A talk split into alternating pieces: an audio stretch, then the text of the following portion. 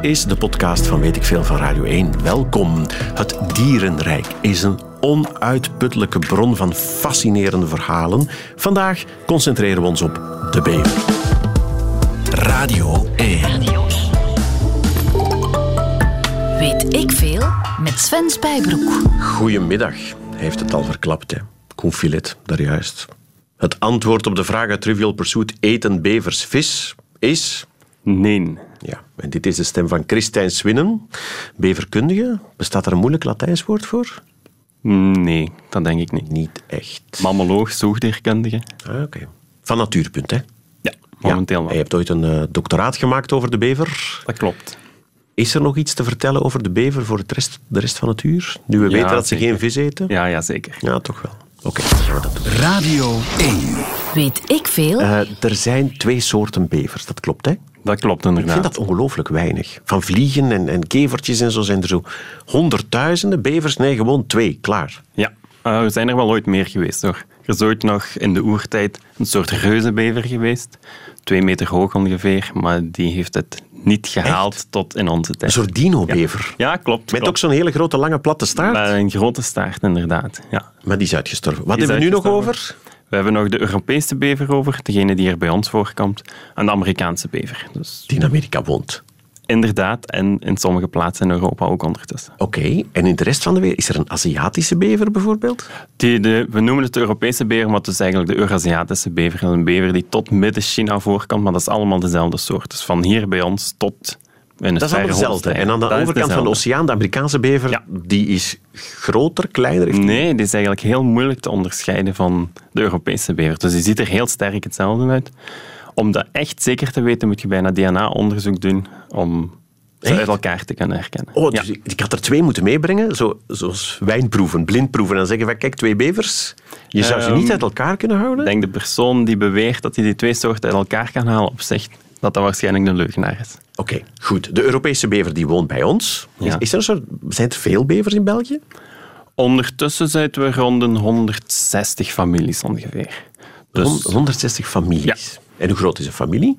een familie, ehm, een familie bestaat uit een volwassen koppel en de jongen van het jaar zelf en eventueel het jaar ervoor. Dus dat, ze krijgen één tot drie jongen, maar over het algemeen wordt ervan uitgegaan dat in een familie een vijf à zestal bevers. Ah, maar dat is echt een soort- kerngezinnetje. Ja, Papa, klopt. mama en dan Ja. een paar kindjes. Ja, en na twee jaar worden de kindjes ook vriendelijk aan de deur gezet en moeten ze hun eigen gebied gaan zoeken. Oké. En eh, hoeveel waren er? 120? 160 families. 160 denken Ja. we ongeveer. Ja. Dat, dat is niet veel, hè? Dus de, de kans dat je een bever te zien krijgt...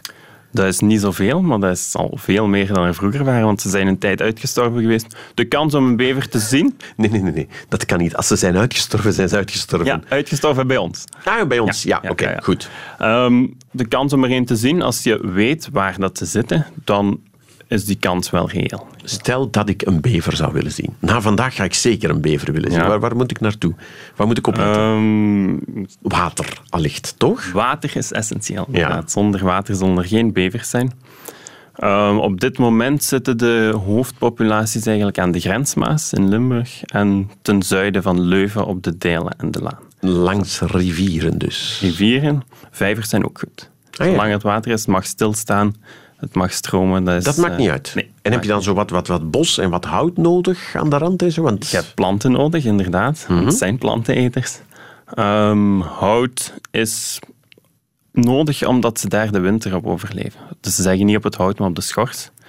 Alle groene planten, kruiden, grassen enzovoort, die sterven af. Maar we, bevers houden geen winterslaap, dus ze moeten wel degelijk nog eten tijdens de Ah, ja, winter. ja. ja, want daar hadden we het er net over. Hè. Bevers eten geen vis. Wat eten ze dan wel? Ja, Planten. Dus planten, grassen, kruiden, struiken, schors van bomen. Ja. Terwijl ik dacht vooral aan bevers, die bouwen toch, let op, hè, burchten heet het, hè? Niet? En dammen en zo. Ja, ja, klopt. Burchten zijn om in te wonen. Ja? Dus dat is een woning waar dat droge kamers in zijn, waar dat ze veilig, zich veilig in voelen. Dammen dienen om water tegen te houden. ja, en daar hebben ze ook hout voor nodig en dan knagen ze bomen om. Ja, inderdaad. Is, is dan gewoon hier rondkijken, waar zijn er bomen afgeknaagd? Daar zullen wel bevers zitten. Ja, wat dat betreft is het een van de gemakkelijkste zoogdieren die dat er zijn. Ja. Ah. Die sporen die blijven ook jarenlang aanwezig in het landschap. Een omgeknaagde boom, voordat hij volledig vergaan is. Dus je kunt gerust zeggen, waarschijnlijk zal hier tussen de drie tot vijf jaar geleden wel een familie bevers geweest zijn aan de sporen, Ja. die dat ik nu terugvind. Wanneer is de laatste keer dat je zelf een bever hebt gezien? Dat is toch al een paar maanden geleden. Ja, Is het omdat, ze, omdat je niet in de natuur bent geweest? jawel, jawel, jawel. Of omdat ze zich zo goed wegstoppen? Ehm, dat hangt eigenlijk van beverfamilie tot beverfamilie af.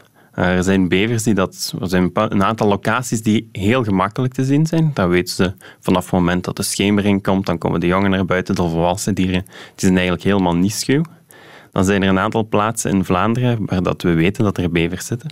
Maar die eigenlijk nog bijna niemand ooit gezien heeft. En ik ben vooral naar zo'n plaats geweest de laatste tijd om te proberen of ik er toch niet Toch eens eentje te zien. zou krijgen. En dat is dus niet gelukt. Zeg maar, is dat dan omdat het andere families zijn? Dat, dat de ene familie wat extraverter en wat socialer is en wat meer buiten komt en de andere liever binnen zit? Of, of hoe- Ja, dat heeft er wel mee te maken. Een, een relatief recente tak binnen het biologisch onderzoek gaat over persoonlijkheden van dieren.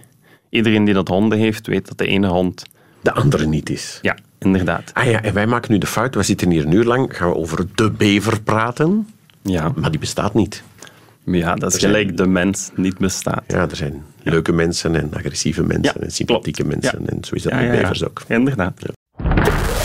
Weet ik veel? Dat doen ze dus, hè. dammen bouwen, dat weten we. Ze hebben van die, van die knaagtanden. Ja. Dat, die bomen die ze afknagen, dat is niet om op te eten, dat is puur voor, voor constructiewerk. Hè? Wel, het is eigenlijk een dubbele functie. Dus als je graag schors eet en je bent een bever, je schors op de laagste meter van de boom, daar kun je aan, maar al de rest kun je niet aan. En je kunt niet klimmen in de boom. Een bever kan niet klimmen. Nee. Dus de gemakkelijkste manier voor bevers dan om aan de rest van de schors te komen, is de boom om te knagen en vervolgens Ah, de schors op te eten. Ah, slim. Ja, En dus de schors, de buitenkant, eten ze op. de buitenkant eten ze op. En de rest van de boom gebruiken ze om te bouwen. Niet altijd, maar vaak wel. Dus Ja. die kan gebruikt worden om de burg te bouwen of om dammen te bouwen. Of die takken kunnen in het water gestopt worden als soort van wintervoorraad voor de moeilijkere tijden. Dus ze gebruiken het water als een soort frigo om de takken in te steken. Met schors en al er nog Met aan. schors en al. Ja, Ja. oké, ik snap het. Aan, aan andere uiteinde van de bever, die platte staart, dat, dat is misschien wat het meest karakteristieke aan dat ja, beest. ja, dat klopt. Waar dient die voor? Oh, die heeft een heel aantal functies. Eh, die heeft een alarmfunctie. Dus een bever die zich verschiet, die gaat met die platte staart op het water kloppen. Timmeren. Ja, ja één keer heel hard. En de andere bevers die duiken direct onder. Oké. Dus dat is een manier van communicatie. Er wordt vet in opgeslagen. Dat wil dus zeggen dat op moeilijke tijden dan kunnen ze vet uit de staart halen om op te overleven. En wordt die staart dan dikker en dunner of groter? wordt dikker Ah, ja. en dunner. Ja, het vetpercentage dat varieert doorheen het jaar. Oké. Ehm, de staart wordt ook gebruikt om een temperatuur op peil te houden. Bevers zitten in het water. Ze verliezen daar veel warmte. Maar soms hebben ze het te warm, soms hebben ze het te koud. Daar lopen bloedvaten door die staart aan de oppervlakte. En dat is een beetje gelijk de oren van de olifant. Als Ah, die het te warm heeft, dan wordt er meer bloed doorgepompt en dan gaat die daar afkoelen. Dat kunnen bevers ook doen. Als het koud is, dan gaan die bloedvaten bijna helemaal dicht. Verliezen ze bijna geen warmte. Hebben ze het warm, gaan die bloedvaten heel fel open. En dan geven ze zo'n warmte af. En dan zweet die bever via zijn staart. Een beetje zoals de hond Ja, door zijn tong. Ja, het is niet echt zweten, maar inderdaad, ja, ze verliezen wel warmte op die manier. Je wordt ook nog gebruikt als roer. Dus bevers die zwemmen, die moeten sturen. Ja. Ze zwemmen niet zoals dolfijnen met een staart op en af te doen, maar ze sturen wel met die staart. Dus ze zwemmen met hun achterpoten en als ze naar links of rechts willen gaan, dan wordt die staart gebruikt als roer. Ik word bijna jaloers op zo'n staart, wat je er allemaal niet mee kan doen. Ja, ja, inderdaad. Fantastisch, hè? Vele functies. Ja, ja, ja. Zeg, en ehm, eh, worden ze echt geboren met zo'n grote staart? Of is het, of het zonder staart? En, en groeit die dan? Of wordt die dan platter? De staart die is er wel degelijk van de geboorte, Mhm. maar natuurlijk in verhouding met de bever. Dus, Groeit die mee? Ja, Ja, inderdaad. Oké. Ja. Eh, ma- maken ze geluid, de bever? Ja, dat weet ik, want ik heb het gevonden. Kijk, het, het klinkt zo.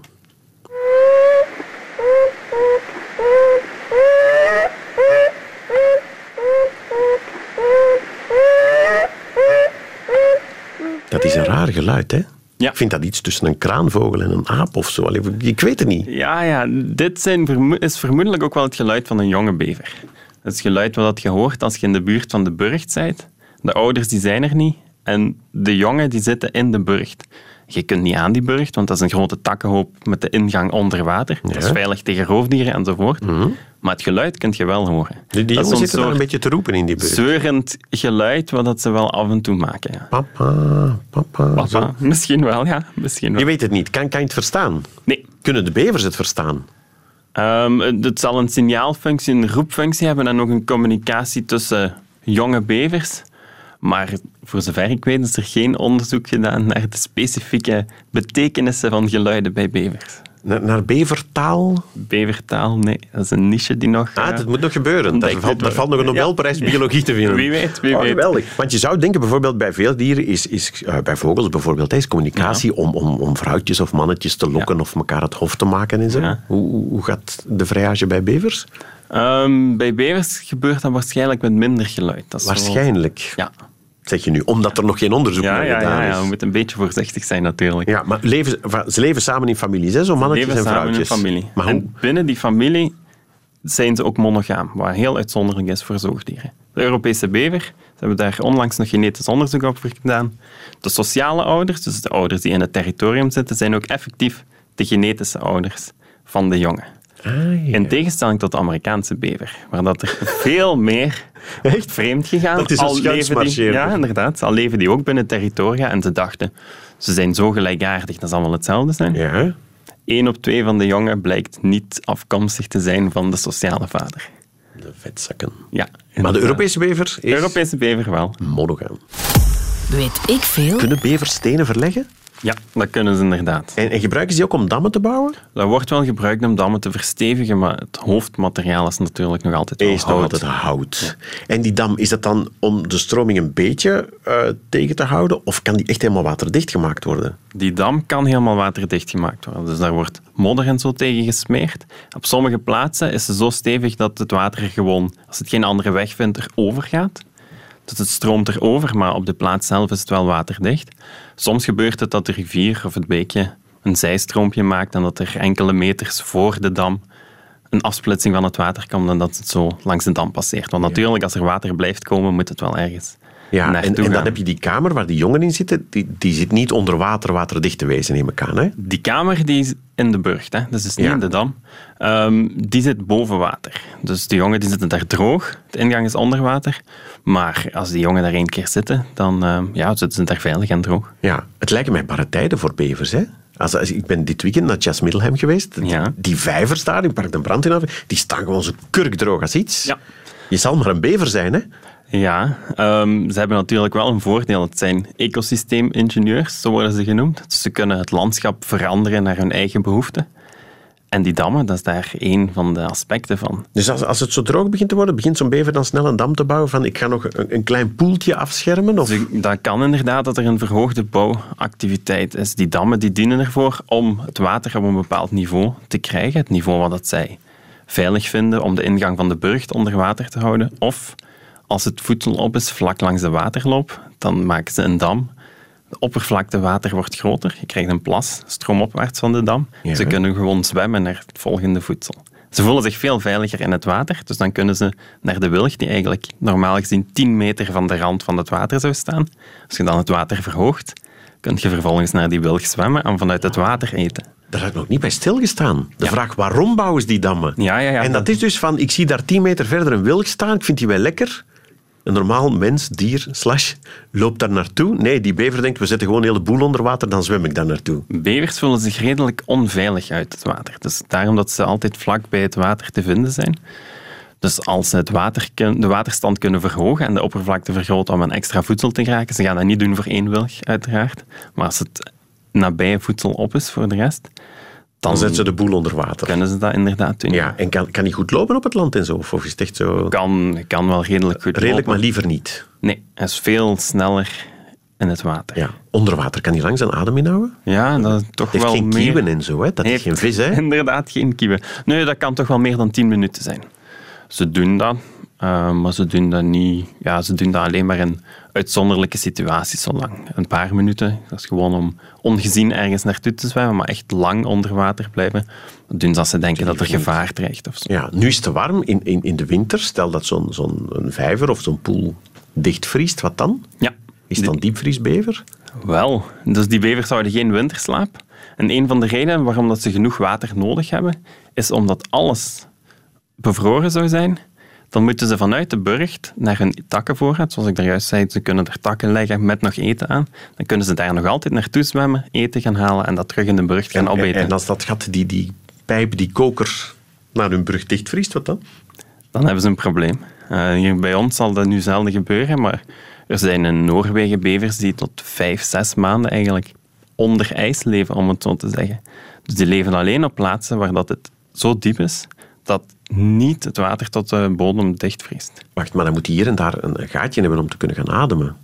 Die gaat vanuit de burcht, houdt zijn adem in, Die sowieso boven water is, Ja. altijd. gaat daar de, de gang die dat onder water loopt, Ah, onder het zwemt ijs. onder het ijs door, gaat zijn eten halen, zwemt terug naar de burcht en kan daar terug gaan ademen. Hier bij ons, ze proberen zo lang mogelijk een gat open te houden in het ijs natuurlijk. Maar in Noorwegen of de Scandinavische landen is dat niet. niet? te doen om dat heel de winter vol te Wat houden. een, wat een coole beesten zijn dat toch. hè? Ja, ja, inderdaad. Radio 1. Weet ik veel? Aan de Vlaamse kaai in Gent heeft een bever een paar uur vastgezeten aan het sluizencomplex. Het dier geraakte niet uit een afgesloten stuk water. Omstaanders verwittigden de hulpdiensten. Deze jongeman zag alles gebeuren. Na een half uurtje of iets langer kwam de brandweer dan en probeerden ze met netten de bever uit het water te halen. Maar dat, dat lukte niet, dus ze stuurden duikers in het water. En ehm, die zijn er nu ook uit, want dat lukte hun ook niet. En ze gaan nu proberen dat de bever dat zelf kan. Uiteindelijk legde de brandweer dus inderdaad een rieten matje aan een trap, waardoor het dier weggeraakte. Melke Zot wilde nu ook een bever uit het water halen. Heb ik net begrepen van Christijn Swinnen. Die wonen daar graag. Die wonen daar inderdaad, maar ja, het lijkt misschien een beetje een tegenstelling. Maar er zijn ook heel wat bevers die verdrinken in onze waterlopen. Vooral in de kanalen. O- omdat er geen rieten matjes op de oever liggen. Ja, waar rieten ze... matjes is niet noodzakelijk, maar als je loodrechte wanden hebt, Zo In beton. ja, Ja, kan je niks doen, hè. één of twee meter hoog. Bevers kunnen niet goed klimmen. Dus net als alle andere dieren die erin zouden vallen. Gaan bevers die kunnen een hele tijd blijven zwemmen. Ze kunnen dat veel beter dan andere Tot soorten. Maar uiteindelijk, als ze er niet uitgehaald worden of toch een bepaalde plaats vinden om eruit te komen, Dus we zouden ze. hier en daar een soort, soort bevertrapjes moeten maken. Ja, en er zijn zo van die rij-uitstapplaatsen, zijn er bijvoorbeeld langs het Albertkanaal. Want ook rijen die willen passeren langs het kanaal, die springen Die soms sukkelen in daar het ook water. in. Ja. Eh, wij als mens kunnen hopelijk nog zwemmen tot een metalen laddertje, Ja. wat dat er is. Maar dat is voor de meeste dieren niet echt aangewezen om dat te gebruiken. Nee.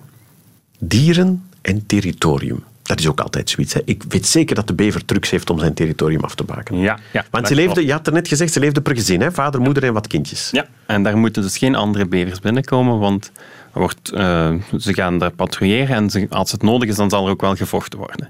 Maar ze willen dat natuurlijk vermijden, want vochten, vechten, dat is ja, een, iets kostelijk. gevaarlijk, hè? Ja, Kost je kunt energie. gewond geraken. Ja, voilà. Ehm, dus ze markeren de grenzen van een territorium met castoreum of bevergeil, wordt dat genoemd. Bevergeil. Ja, een bepaalde woord, hè? stof. Is dat ook zoiets wat in parfum zit soms? Ja, dat werd inderdaad vroeger gebruikt. In de originele Chanel nummer 5 zat de originele bevergel. Ondertussen is dat vervangen door een synthetisch alternatief. Ah, ik wou net zeggen, want dus vegetariërs konden vroeger geen Chanel nummer 5 gebruiken. Ja, ik weet niet, veganisten toch in elk geval niet. Vegetariërs weet ik niet. Ja, maar het is wel straf, hè? Maar stinkt dat niet enorm? Ik, Ja, stel me er zoiets een- voor dat dat zo'n soort sterke, muskusrattige, geitengeurachtig iets is. Het is een heel sterke geur. We hebben het eh, bij het onderzoek gebruikt om bevers onder... Ja, we wouden genetisch materiaal van die bevers hebben. We wouden ze niet vangen. Dus we lokten die onder een prikkeldraad door. En als ze daaronder doorliepen, dan bleef er een heel klein beetje haar hangen aan die prikkeldraad. Zoals haar van de koeien en prikkeldraden in de weien blijft hangen. Dan kun je dat haar gebruiken om onderzoek te doen.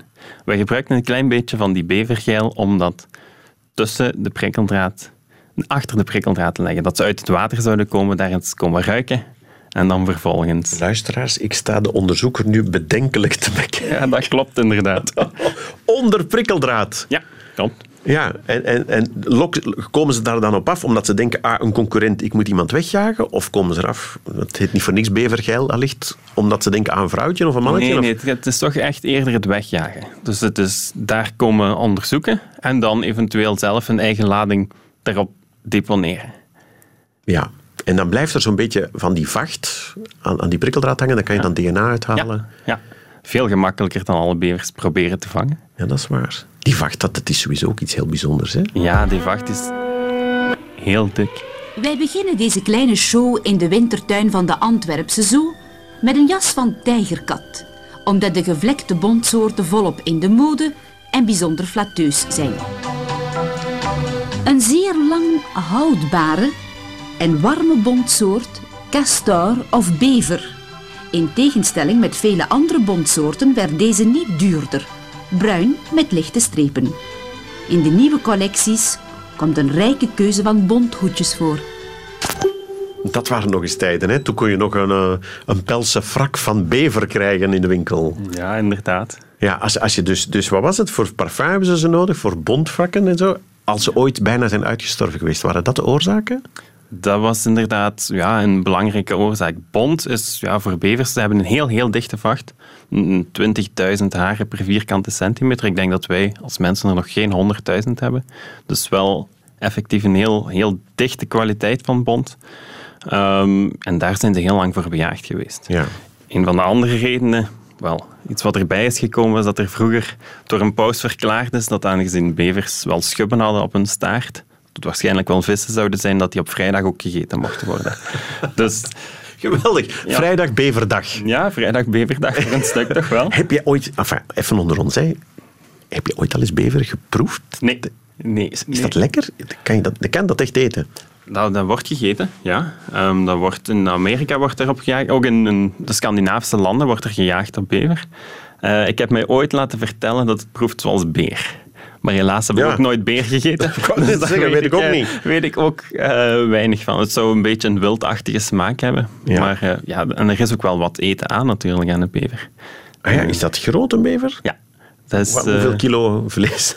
maar, Beenhouwers onder leeg- elkaar. Nee, dat weet ik eigenlijk niet. Leeggehaald wat dat het gewicht zou zijn, maar een levende bever is een twintigtal kilo ongeveer. Ah, ja, dat is wel een middelgrote hond ongeveer. Ja, stevig, hè? Ja, ja. Dus je stel je dat niet echt zo voor, het is totdat je ze vast hebt. Dan Dat heb je weet wel je wel. als ja, een bever. ja, 20 kilo Een bever verdoofde dan. bever, want als je die vast hebt, die bijt. Nee, hè. dit was een dode Denk- bever. Niet? Ja. Ja. Ehm, ze kunnen inderdaad bijten. Ze hebben er de tanden voor, maar ze zijn over het algemeen eigenlijk helemaal niet agressief naar Zijn mensen toe. Hele lieve dieren.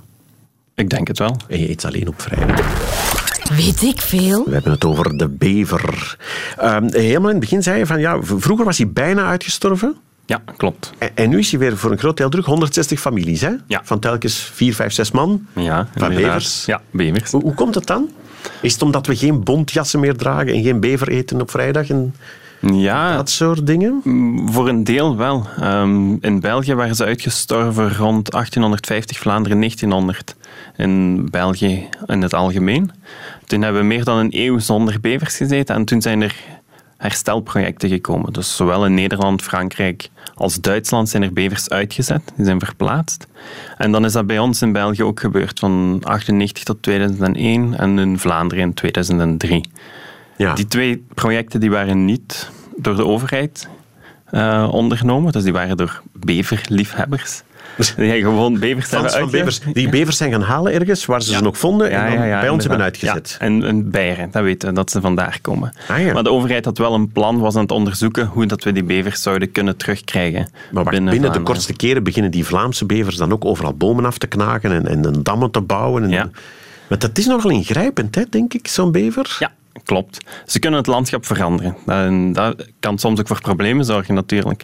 Want wat wij zeggen dat natuurgebied, landbouwgebied, woongebied is, bevers trekken zich daar redelijk weinig van aan. Vanaf het moment dat ze vinden dat een gebied geschikt genoeg is voor hen, kunnen ze zich daar vestigen. En dat dat dan eigenlijk voorzien was als een stukje industriezone waar dat die bomen toch sowieso al weggedaan zouden worden na een paar jaar. Ja, daar hebben ze weinig boodschap aan. Ja, want je zal maar een bos hebben, hè? ergens langs een riviertje, en dan begint die bever dat af te knagen. Ja, Ehm, er zijn dus een aantal mogelijkheden om ja, maatregelen te nemen. Bomen kunnen over het algemeen redelijk gemakkelijk beschermd worden met een stuk draad er rond. De bevers blijven dicht bij de waterloop, dus ze gaan normaal gezien geen 50 of 100 meter van die water af om bomen om te knagen. Maar het bouwen van dammen en het vernatten van hele gebieden kan soms wel grotere gevolgen hebben natuurlijk. Ja, je riskeert echt overstromingen en een soort, soort half moeras. Ja. Als er bevers in de buurt zijn. inderdaad. Als je bevers lange tijd gewoon zou laten doen in een natuurlijke situatie, dan veranderen die gewoon je volledig bos naar een soort moerassituatie. Totdat er daar te weinig voedsel meer is. De bevers die gaan terug vertrekken. Die moerassituatie wordt terug verlamd terug. Bomen gaan terug opschieten. En 50 of 100 jaar later kunnen daar opnieuw bevers zich vestigen. Want dan je is kan, er je kan echt beginnen met een bos en als je de bevers er laat overgaan, eindig je met een meer moeras waar geen bomen niet meer recht staan. En vervolgens gaan die bevers terug vertrekken.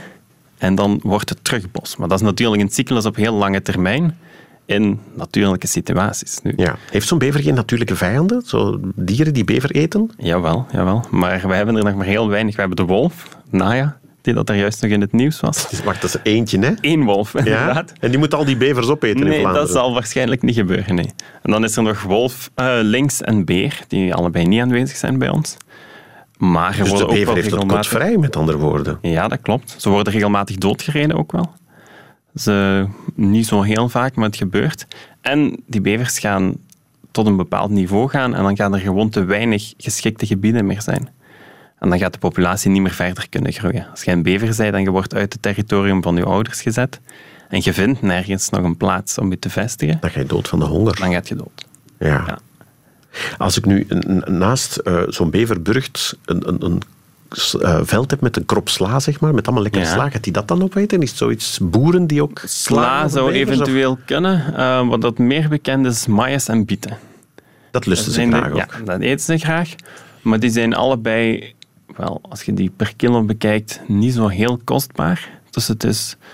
Dat, dat zijn meestal redelijk kleine Ik hoeveelheden. denk dat ze daar bij de Boerenbond daarvoor- wel anders over denken. Ja, Oh, eet die mais maar op. Nee, oh, is toch nee, niet zo kostbaar. Geef maar aan de bever. nee, zo bedoel ik het niet. Maar de schade die ze daaraan doen is eigenlijk redelijk beperkt. Dat is heel dicht tegen de waterloop waar dat er wat van gegeten wordt. Maar populieren zijn bijvoorbeeld veel kostbaarder, omdat die een tijd van 30 jaar nodig hebben bijvoorbeeld om te groeien. Misschien Ja. nog langer. Als jij die gaat omknabbelen net voordat die oogstrijp zijn. Nou, god weet waar die opvallen en zo. Ja, ook al. Ook al niet goed, hè. Zeg, nu moet ik allerlei tips vragen om, om bevers te verdelgen. Maar dat vind ik een beetje... Uh, Ik kan bevers verdelgen vragen, is op dit moment nog niet aan de orde. Ze Nee. zijn beschermd. Ze Ah, zijn ja, nog dat Europees mag helemaal beschermd. Nee, nee, klopt. Ah, voilà, dat mensen dat vooral onthouden. De bever is een beschermde dier, zo. Weet ik veel? Ik ga onthouden dat er dus een Amerikaanse en een Europese bever is. En dat je het verschil niet kan zien. Ze lijken gewoon helemaal op elkaar. Je hebt me net tijdens de plaat trouwens ook verteld dat mannetjes en vrouwtjes ook geweldig op elkaar lijken. Klopt. Ja. Eh, je kan het wel aan hun seksleven zien. Hè? Dus de Amerikaanse bever gaat vreemd en de Europese niet. Ja, Eh, van de paus mag je op vrijdag geen bever... Nee, moet je. Wel moet, want hij heeft schubben aan zijn staart. Over die staart is ook razend veel interessants verteld. Hè? Want daardoor lijkt hij op een soort vis. Eh, het zijn landschapsarchitecten Ja. die ongelooflijk interessante dingen kunnen doen. Je hebt nog 60 seconden. Wat moet er nog over de bever verteld worden? Misschien is het nog interessant om te weten dat ze waarschijnlijk nachtactief zijn geworden door bejaging van de mens. Het zou voor een bever eigenlijk beter uitkomen om overdag actief te zijn. Ja? We denken door de evolutie heen dat de oermensen al zoveel op bevers gejaagd hebben, dat als die overdag altijd actief waren, die bevers werden er als eerste uitgehaald. Dat, dat zijn er nachtdieren geworden Ja, van, van pure miserie. ja, inderdaad. Er zijn een aantal eigenschappen binnen die bevers die erop wijzen dat, ze veel, m, ja, dat het veel voordeliger zou zijn voor hun om overdag actief te zijn. En het zou dus kunnen dat ze op termijn, op plaatsen waar dat ze ongestoord lang met rust gelaten worden, dat ze terug meer naar die dagactiviteit gaan overschakelen. Wauw, kijk, tot op de laatste moment. Hè. Razend interessant. Christijn Swinde, dank je wel. Ehm, ga ga je vanmiddag nog een bever zien? Ergens in een beverburgt? Waarschijnlijk niet, maar Ah, misschien later jammer, jammer, jammer, jammer. Dank je wel voor de uitleg. Radio 1. Weet ik veel? Dit was Weet ik Veel, de podcast. Een aflevering tussen de vele. Je vindt ze allemaal terug op radio1.be.